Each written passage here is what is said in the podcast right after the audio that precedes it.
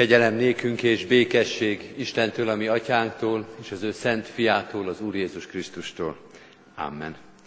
Kedves testvéreim, foglaljuk el a helyünket, és kezdjük el esti Isten tiszteletünket a 62. Zsoltárral. Énekeljük annak valamennyi verszakát. Öt verszaka van könyvünkben, mind az ötöt énekeljük el.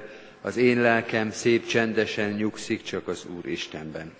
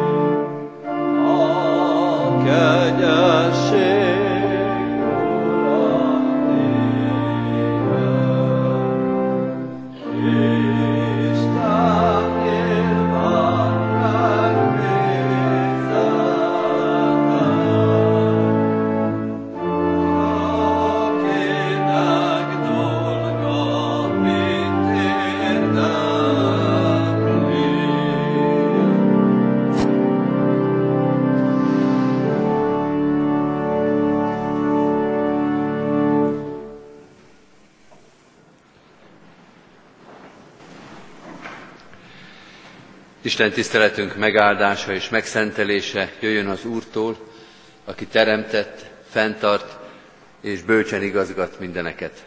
Amen. Imádkozzunk.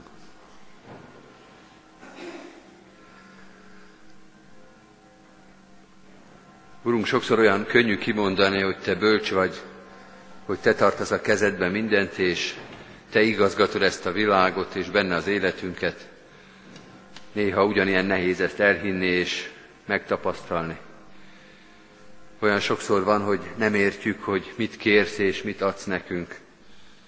Olyan sokszor van, hogy nem is látjuk az akaratodat, csak sodródunk az eseményekkel.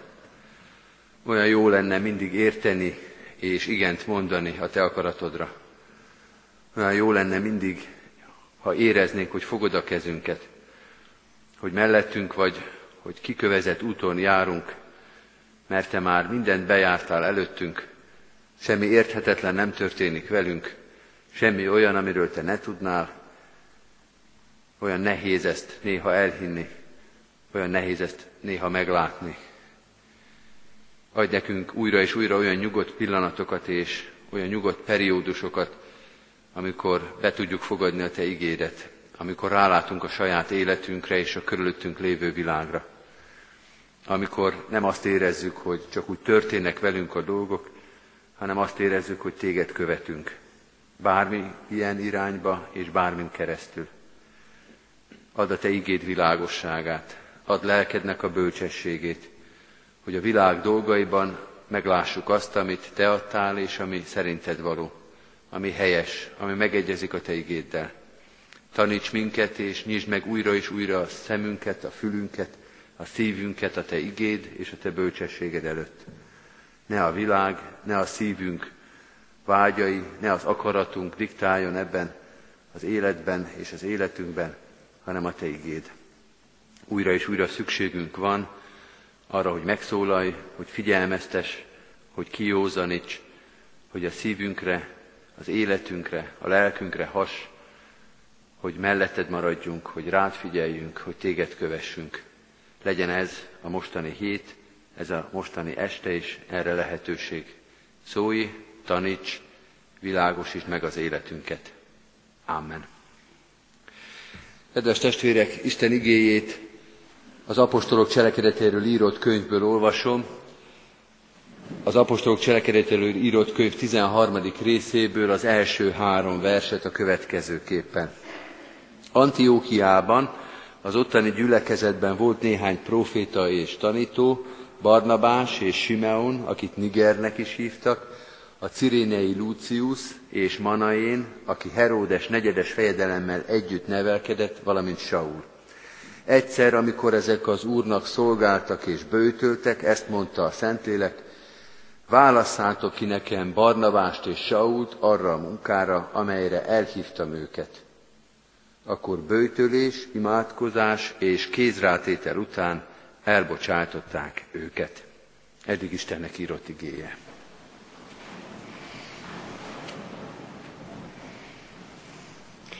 Kedves testvérek, bőti igehirdetés sorozatunkban, amikor a bőtben, vagy már itt a, egészen a bőt előtt, a bőtről magáról tanulunk, tegnap arról szólt Isten igéje, ami talán az egyik legfontosabb a keresztény ember számára, hogy a bőjt az az odafigyelés az Istenre.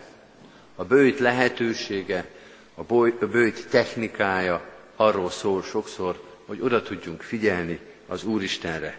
Mózes 40 napon és 40 estén keresztül, éjszakán keresztül bőjtölt, mert nagy feladatot kapott, le kellett írnia az Isten törvényét, az Isten igéjét. Nagy feladat, megérteni az Isten igéjét, teljes odafigyelés, teljes koncentráció, teljes odaszánás kell ahhoz, hogy ezt a feladatot egy ember, még ha az Mózes is, el tudja látni.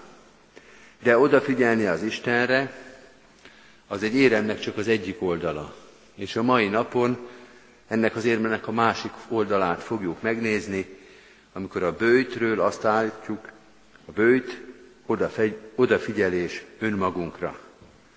Ugyanannak az éremnek az egyik oldala figyelni az Istenre, és a másik oldala mondja Istennek mai igéje, odafigyelni önmagunkra. Ez egyébként, mint gondolat, szépen egybecseng Calvinnak azzal a tanításával, amelyet az institúció elején olvasunk, az igazi bölcsesség két részből áll, Isten és önmagunk ismeretéből, odafigyelni az Istenre, és odafigyelni önmagunkra. A bibliai történet, amelyet felolvastunk, arról szól, hogy Isten kiválaszt két embert egy szolgálatra, egy bizonyos gyülekezetből, egy bizonyos szolgálati, szolgáló körből, a sok vagy a több ember közül kettőt kiszemel egy feladatra, és ezt el is mondja ennek a szolgáló körnek. A címzettek, a vezetők, akiknek itt a nevét fel is olvastuk, meghallják Istennek ezt az igéjét, és ezután is bőtölnek, előtte is ezt tették, de utána is bőjt és imádkozás közben, és imádkozás után, és megáldó mozdulatok és imádságok után elbocsátják őket Pált és a kiválasztott két embert, Pált és Barnabást arra a szolgálatra, amire az Isten elküldte őket. Nem az a kérdés tehát ebben a bődben, amelyet felolvastunk itt a harmadik versben, hogy mit mond az Isten, mert most már azt értettük. Azt mondta, választátok ki nekem Barnabást és Saut arra a munkára, amelyre elhívtam őket. Nem arra kell a bőjt, hogy az Isten igéjét meghalljuk, hanem arra, hogy lássuk, hogy mit teszünk ezek után mi. Hogy hogyan fogadjuk az Isten igéjét. Jól értettük-e? Elég egyszerűnek tűnik ez a leírás, amelyet itt olvastunk. Ezt mondja a Szentlélek, a szolgáló közösségnek, válaszátok ki Barnabást és Saut arra a munkára, amelyre elhívtam őket. Az életünkben sokkal inkább az a tapasztalat, hogy az Isten igéje nem ilyen egyértelmű és ilyen tőmondatba foglalható. Nem ilyen egyszerű annak a megértése. Mit mondott az Isten? Kit kell kiválasztani? Hogyan cselekedjünk? Mi következik most? Jól értettük azt, amit az Isten mond? Te is úgy értetted, mint ahogy én? Mondjuk egy szolgálatra való kiválasztás, lelkész választás, presbiter választás. A presbitérium belül bizonyos csoportoknak szolgáló közösségeknek a kiválasztása, a munkatársak összehívása. Te is úgy látod, hogy ő lenne az, akit erre az Isten kiválasztott? Nem az az életünk nagy tapasztalata, hogy az Isten igényen egyszerű, jól megfogalmazható mondatokban előttünk van, hanem sokkal inkább a tanakodás, a gondolkodás, az elmélyülés, a beszélgetés, hogyan lépjünk tovább, kit válaszunk, mit válaszunk, melyik úton menjünk tovább. Van az Ószövetségben egy történet, a Birák könyvében, amikor Gedeont az Úristen elhívja egy szolgálatra, és Gedeon egyedül van, csépeli apja buzáját a présházban, és az Úristen megszólítja őt. És ezután a megszólítós elhívó ige után van egy furcsa esemény sorozat, egy ilyen kis licitálás, vagy ilyen kis vitatkozás, vagy értetlenkedés, minek is nevezzük. Gedeon újabb és újabb feltételeket mond az Úristennek, hogy ez történjen, az történjen, hogy megértse ezt a folyamatot, megértse a döntést. Nem arról van szó, hogy Gedeon nem hisz az Úristennek, hanem arról, hogy Gedeon nem hisz magának. Nem az Úristenbe bizonytalan, hanem magába, hogy tényleg jól értettem? Lehetséges, hogy tényleg arról van szó, hogy az Úristen engem kiválasztott? Nem értettem valamit félre? Nem a szívem szándékát hallom? Nem csak kivetítem a vágyaimat az Úristenre, mert hős akarok lenni? Én, a kicsi kis Gedeon, egyszer meg akarom mutatni a világnak? Nem ezt erősítettem föl magamba? Lehetséges, hogy az, amit most hallok, amit érzek, amit magam előtt látok, az tényleg az Isten akarata? Gedeonnak elég nehéz helyzete van, mert egyedül van. Itt azt látjuk, hogy néhány testvér egymás között is megbeszélheti, hogy ugyanazt értettük? Tényleg azt jelenti az Isten igéje? Megkérdezhetjük egymást, mind ahogy kedves testvérek, az ige megértése, az Isten akaratának a megértése, az nekünk ajándékként, könnyebbségként mindig közös feladat. A gyülekezet közösen hallgatja az Isten igét, közösen próbálja érteni. Az ige értelmezésének a közössége az egyház. Nem vagyunk úgy magunkra utalva, mint Gedeon, hogy magunkban kell tudni eldönteni, hogy igazunk van-e vagy tévedtünk, hanem oda lehet fordulni a másikhoz. Lehet közösen imádkozni, közösen bőjtölni, hogy tényleg jól értettük-e az Isten akaratát. A bőjt az olyan, mint a csend itt, amikor minden hangot, minden szót, minden ragot pontosan akarunk érteni. Olyan ez, mint amikor megszólal a telefon, fölveszünk otthon, és halljuk, hogy valaki valamilyen nagyon fontos dolgot mond, mondjuk egy időpontot, egy dátumot, egy nevet, de közben otthon, ahogy szokott lenni, üvölt a tévé, üvöltenek a gyerekek, csönget a szomszédasszony, és akkor az ember elkezd szinte kapkodva mindent lehalkítani, a gyerekeket beparancsolja a gyerekszobába, ő elmegy a saját szobájába, még a fülére is oda tapasztja a kezét, mert most itt valamit nagyon pontosan kéne érteni. Olyan kicsit halkott telefonban az a hang, de most pont, fontos lenne, hogy 9 óra, vagy 10 óra, vagy ma, vagy holnap, hogy itt nem lehet úgy körülbelül, hanem mindent annak alá kell rendelni, hogy ezt az üzenetet egészen pontosan megértsük. Amikor bőjtől ez a közösség, ez a néhány ember ezt teszi. Lehalkít mindent, elcsendesít mindent, külső és belső zajokat, hogy utána azt mondhassa, igen, egészen biztosan ezt a két nevet hallottuk. Igen, egészen biztosan azt hallottuk, hogy ezt a két embert erre és erre a szolgálatra kell kibocsátanunk. Tehát az első kérdés, hogy jól értettük-e az Isten igéjét. De ezzel nem értünk a kérdések végére, mert például ott van az a kérdés, hogy és ha jól értettük, akkor követtük-e? Akkor megtettük-e azt, amit az Isten kér? Vagyis engedelmeskedtünk-e az Isten akaratának? Nehéz dolog megérteni az Isten igéjét, de ennél már csak egy dolog nehezebb, engedelmeskedni neki. Sok félreértés van, sok meg nem értett ige van az ember életébe, de hány olyan ige van, amit tulajdonképpen értettünk, és nem azért nem történt meg, mert már az elején félreértettük, vagy nem hallottuk, hanem nem volt erőnk, akaratunk, szándékunk, eltökéltségünk végigmenni. Nem csak az a kérdés, hogy megértettük-e az Isten igét, hanem hogy engedelmeskedtünk-e neki. A felolvasott igében jól vizsgáznak ezek a szolgatársak, mert ezt olvastuk az ige végén, akkor bőjtölés, imádkozás és kézrátétel után elbocsátották őket. Az Úristen ezt kérte, és ők ezt tették. De a bőjt, az elbocsátás, az engedelmesség előtt a bőjt, az saját magukba, a szívükbe, a közösségbe végigfuttathatott néhány kérdést. Mi vezetett odáig, hogy engedelmeskedni tudtunk az Istennek? Milyen belső történetek, milyen belső kérdések, vagy zugolódások, vagy hárítások után tudtunk engedelmeskedni. Mi minden hangzott el a szívünkbe? Miért pont Pált? Miért pont Barnavást? Miért nem engem? De jó, hogy nem engem. Alkalmasak lesznek ezek? Nem fogják elszúrni? Jól látta ezt az Úristen? Jól gondolta? Nem tévedett? Egy másik újszövetségi történetben van ilyen, amikor Pálnak a pálfordulása után Anániás a sugójukból megpróbál az Úristennek magyarázni, hogy nem jól csináltad te azt Úristen, hogy ezt a Sault elhívtad, hiszen ez micsoda alak, és mi mindent tett ellenünk. Az engedelmesség előtt néha belebonyolódik az ember ilyen beszélgetésekbe az Úristennel, vagy önmagával, amikor perel az Úristennel, nem érti az Úristent, jobb ötlete lenne, mint amit az Úristen mondott. És lehet, hogy engedelmesség lesz a végén, ennek a történetnek a végén ez van, de bizony odáig sokszor kacskoringós út vezet. És ez is ebben a bőjtben derül ki. Itt tudunk rákérdezni, itt tudunk rálátni. Ma ezt úgy szokták mondani, hogy hogyan érintett engem az Isten igéje.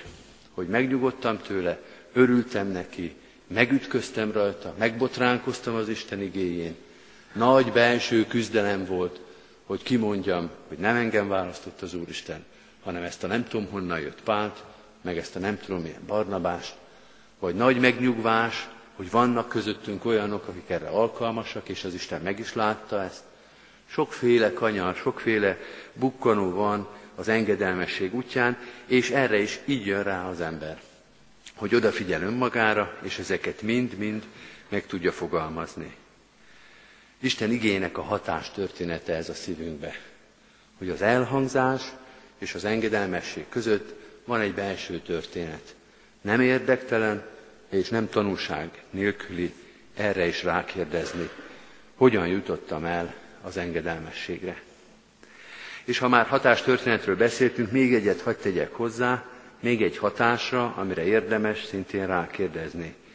Az Úristen mondott valamit, és mi engedelmesek is voltunk, és mi meg is tettük, és akkor még egy kérdés, elszámoltunk-e az Isten igéjével és az engedelmességünkkel?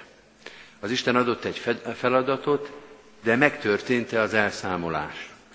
Megtörtént-e a beszámoló? Vagy már futunk is az új feladat után, elvégeztük, engedelmesek voltunk, de már az rég a hátunk mögött van, már a következőben vagyunk, már az új engedelmesség, az új feladat, az új tennivaló köti le a figyelmünket. Az eredményeket megköszöntük-e? A kudarcokat fájlaltuk-e? A dicsőséget megadtuk-e az Úristennek? Voltak ilyen mondatok, hogy köszönjük Úristen, hogy számítottál ránk, hogy feladatot adtál, hogy nem feledkeztél meg rólunk. Volt-e ilyen mondat? Nagyon bánt minket, hogy ez vagy az nem sikerült. Pedig próbáltuk, pedig szerettük volna, nem értjük, hogy ez hogy nem sikerült, de látjuk, hogy itt eredménytelenek voltunk. Elhangzik ez a híres református mondat az engedelmesség után, egyedül Isteni a dicsőség. Szép eredményeket értünk el, örömteli gyümölcsök születtek, de tied, Uram, a dicsőség.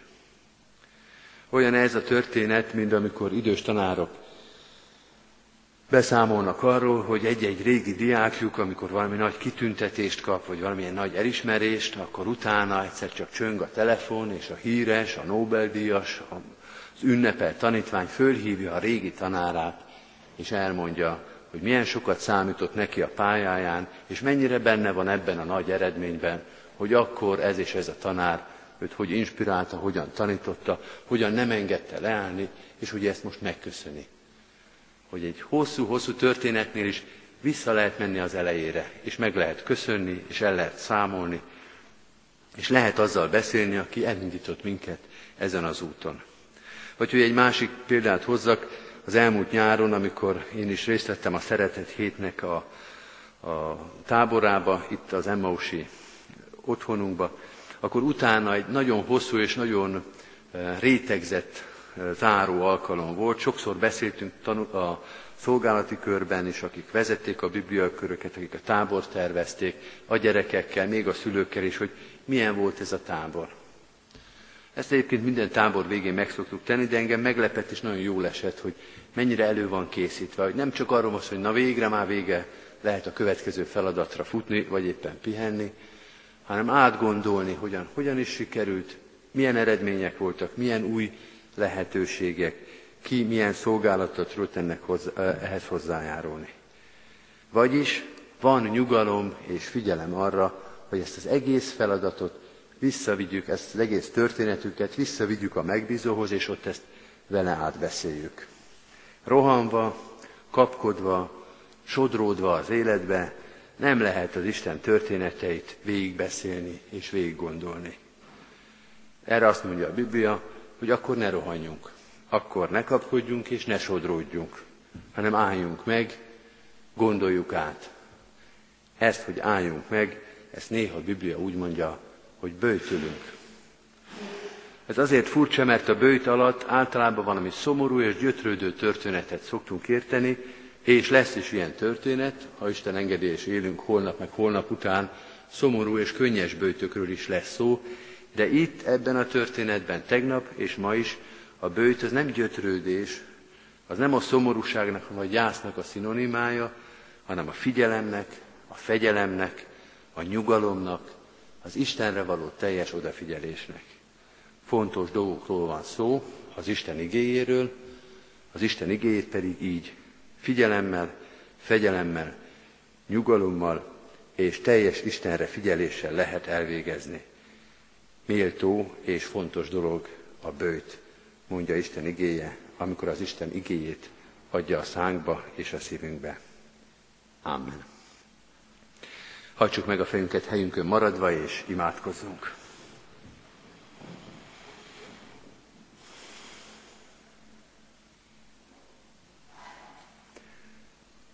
Urunk, hálát adunk a Te igédért és a tőled jövő elhívásért, feladatért, szolgálatért, a kérdésekért és a válaszokért.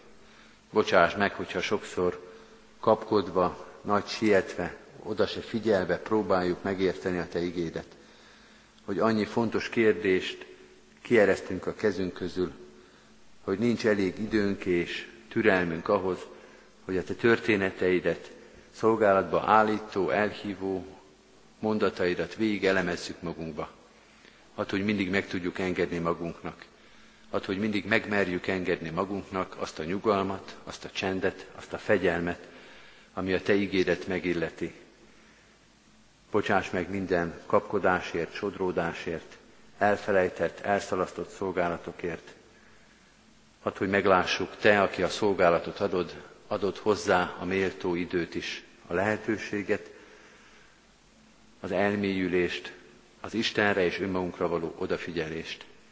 Add, hogy ez ne öncélú legyen. Add, hogy mindez a szolgálatunk alaposabb, tisztább, igeszerűbb elvégzéséhez vezessen. Add, hogy mindig megértsük teljesen a Te ígéret. Ne csak úgy körülbelül, ne csak úgy egy-egy szavát vagy lehetőségét, hanem az egészet. Amit Te elmondtál, az mind jusson el a szívünkbe. Köszönjük, hogy oly sokszor hallottuk már a Te hangodat, oly sokszor értettünk már meg tőled jövő üzeneteket. Segíts, hogy ma is, holnap is, ezen a héten, vagy az úrvacsorai közösségben is mind erre legyen lehetőségünk. Pontosabb, tisztább igeértésre, pontosabb és tisztább engedelmességre.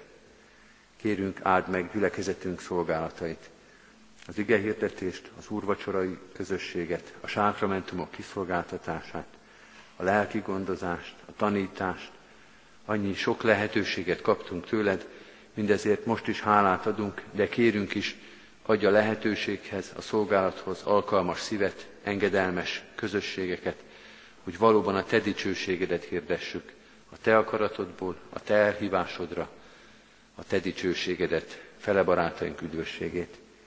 Így kérünk gyülekezetünk minden közösségéért, minden tagjáért. Különösen is könyörgünk a nehéz sorsúakért, a keresztet hordozókért. Sokszor olyan vakok és érzéketlenek vagyunk az emberi szenvedésre, az emberi nélkülözésre, szorongásokra. Tenyisd fel a szemünket, hogy imádságba tudjuk hordozni azokat, akik nehéz pillanatokat élnek át. Könyörgünk a betegeinkért, a gyászolókért, a gyászolók közösségért. Ezen a héten újra és újra a gyülekezetünkért és iskolánkért, amelyet megroppantott és megdöbbentett a gyász. Te légy velünk, és te adj magyarázatot, vigasztalást, te vezess tovább minket ezen a nehéz úton. Könyörgünk azokért, akik mások terhét tudják hordozni. Te adj ebben a szolgálatban engedelmes és alázatos szíveket. Lássuk meg, milyen szolgálatra indítasz, milyen szolgálatot tartasz te fontosnak, mi az, amit tőlünk elvársz. Áld meg a városunkat, országunkat, nemzetünket, az egész emberiséget, adj nekünk békességet, Krisztus ismeretet, adj nekünk figyelmet és fegyelmet az ige követésében, a Krisztus ismeretben, Jézus Krisztusért, ami Urunkért. Amen. Most vigyük egyen-egyenként is Isten elé imádságainkat. Amen. Az Úrtól tanult imádságot együtt és fennállva mondjuk el. Mi, Atyánk, aki a mennyekben vagy, szenteltessék meg a Te neved. Jöjjön el a Te országod, legyen meg a Te akaratod, amint a mennyben, úgy a földön is. Mindennapi kenyerünket add meg nékünk ma, és bocsásd meg védkeinket, miképpen mi is megbocsátunk az ellenünk védkezőknek. És ne vigy minket kísértésbe, de szabadíts meg a gonosztól, mert tiéd az ország, a hatalom és a dicsőség mindörökké. Amen. Mindezek után az Úr Jézus Krisztusnak kegyelme, Istennek, ami atyánknak szeretete, és a Szentlélek Isten közössége legyen, és maradjon minnyájunkkal. Amen. Most záró énekünket énekeljük, ennek a hétnek a kis külön énekét, 274. dicséretünket, amelyet ezen a héten esténként énekelünk. Ki Istenének átad mindent, bizalmát csak beléveti. Mind a négy verszakot énekeljük el.